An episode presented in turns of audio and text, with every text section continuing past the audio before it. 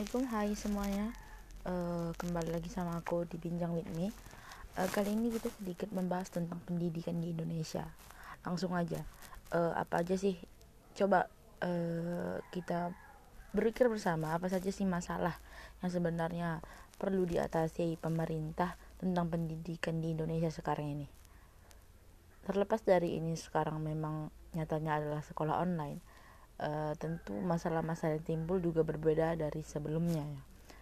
Yang mana yang sebelumnya juga belum bisa teratasi 100%. Kini keadaan atau kondisi yang berbeda malah hadir gitu.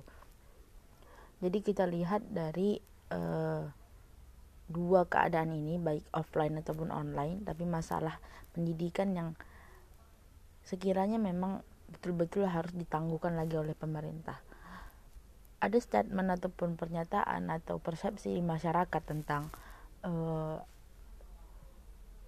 nilai itu tidak penting yang lebih lebih penting perilaku ataupun karakter. Namun uh, nyatanya gitu realisasinya uh, nilai itu tetap yang pertama gitu yang gitu. Dan uh, berpikir tidak akui ataupun tidak gitu percaya atau tidak sadar atau tidak bahkan ya saya setuju kayak gitu. Seperti adanya jalur nilai ataupun adanya tingkat kejuara kejuaraan gitu di kelas gitu.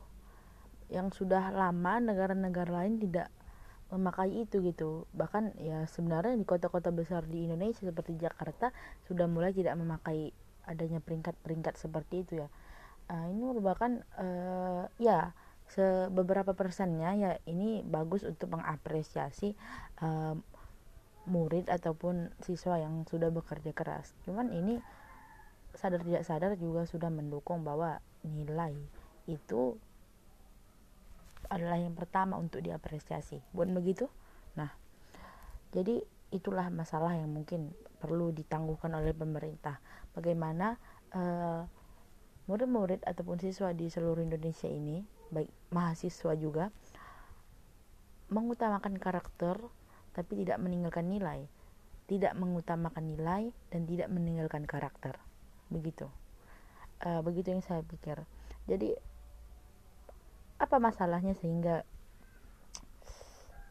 hal itu menjadi sebuah yang mengakar gitu ya sama uh, seluruh masyarakat di Indonesia, seluruh siswa, orang tua, mahasiswa dan guru-guru dan lain-lainnya, Sel seluruh sivitas akademik gitulah.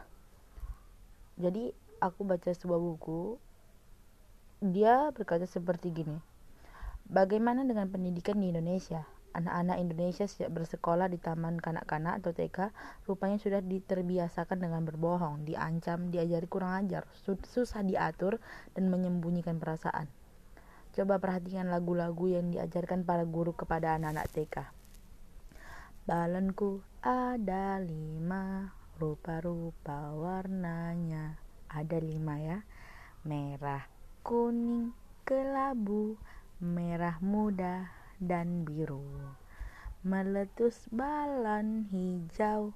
Ingat, ya, dari lima balon yang disebutkan tadi tidak ada warna hijau. Baru yang meletus hijau. Bagaimana? Der, hatiku sangat kacau. Aduh, ada hijau. Berarti balonnya ada enam dong kan? Gak lima. Berarti salah, bohong dong ya. Baru gini Halo, halo Bandung, ibu kota periangan. Sudah lama beta tidak berjumpa dengan kau. Eh salah nadanya. Pokoknya gini, sekarang telah menjadi lautan api. Mari bung rebut kembali. Yang jadi fokusnya itu gini. Bandung itu kan kok ibu kota periangan kan bukannya Bandung itu ibu kotanya Jawa Barat. Ini jokes, itu jokes, jokes. dan ini lagi. Cangkul cangkul cangkul yang dalam. Menanam jagung di kebun kita. Mau menanam jagung kok cangkulnya dalam banget ya? Cangkul cangkul cangkul. Ini bercocok tanam atau bikin sumur gitu. Ini jokes di buku itu gitu ya. Itulah set, uh, petikan syair lagu anak-anak yang dikutip di buku ini ya ini hanya jokes gitu hanya candaan. Tapi kendati ini lelucon gitu mengundang senyum dan gelak tawa syair-syair lagu ini memang ada yang salah kaprah. Salah tetapi diterima sebagai kebenaran.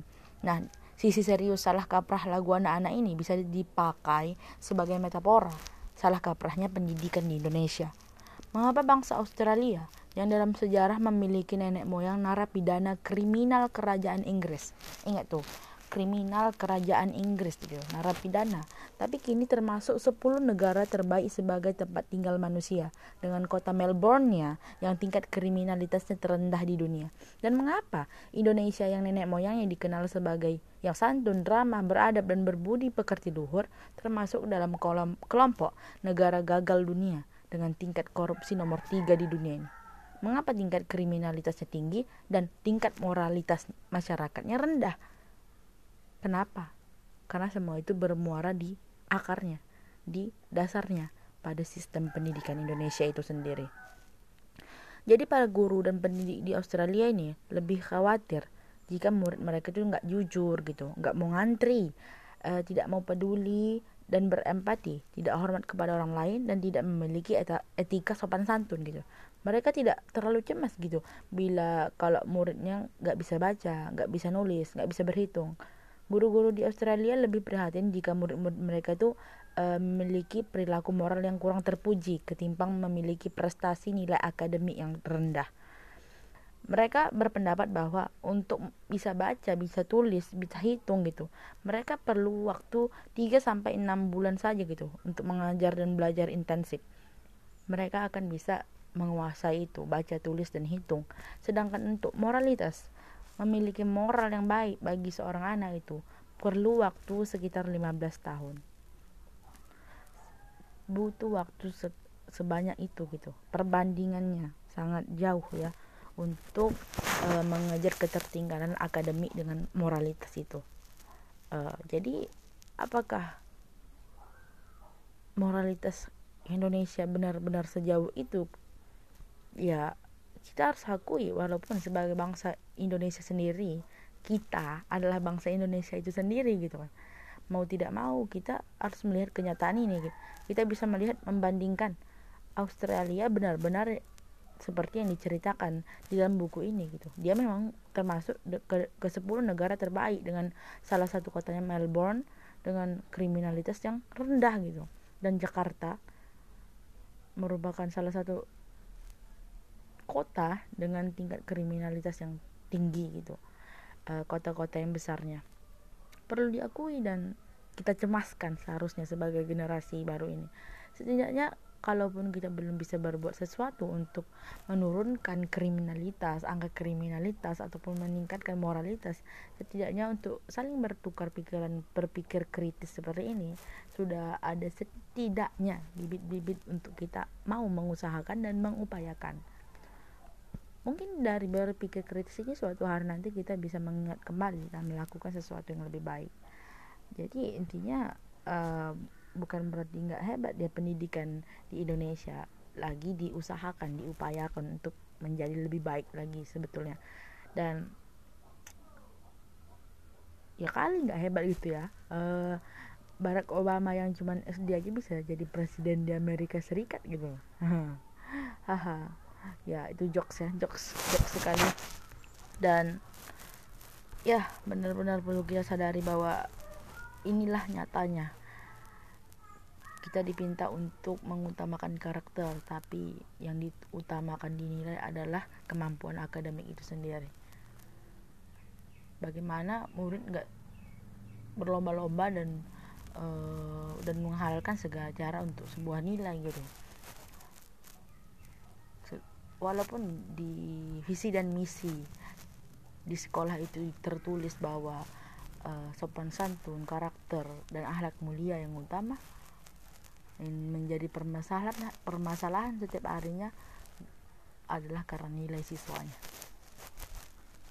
Mentalitas bangsa yang perlu diperbaiki. Sekian. Assalamualaikum warahmatullahi wabarakatuh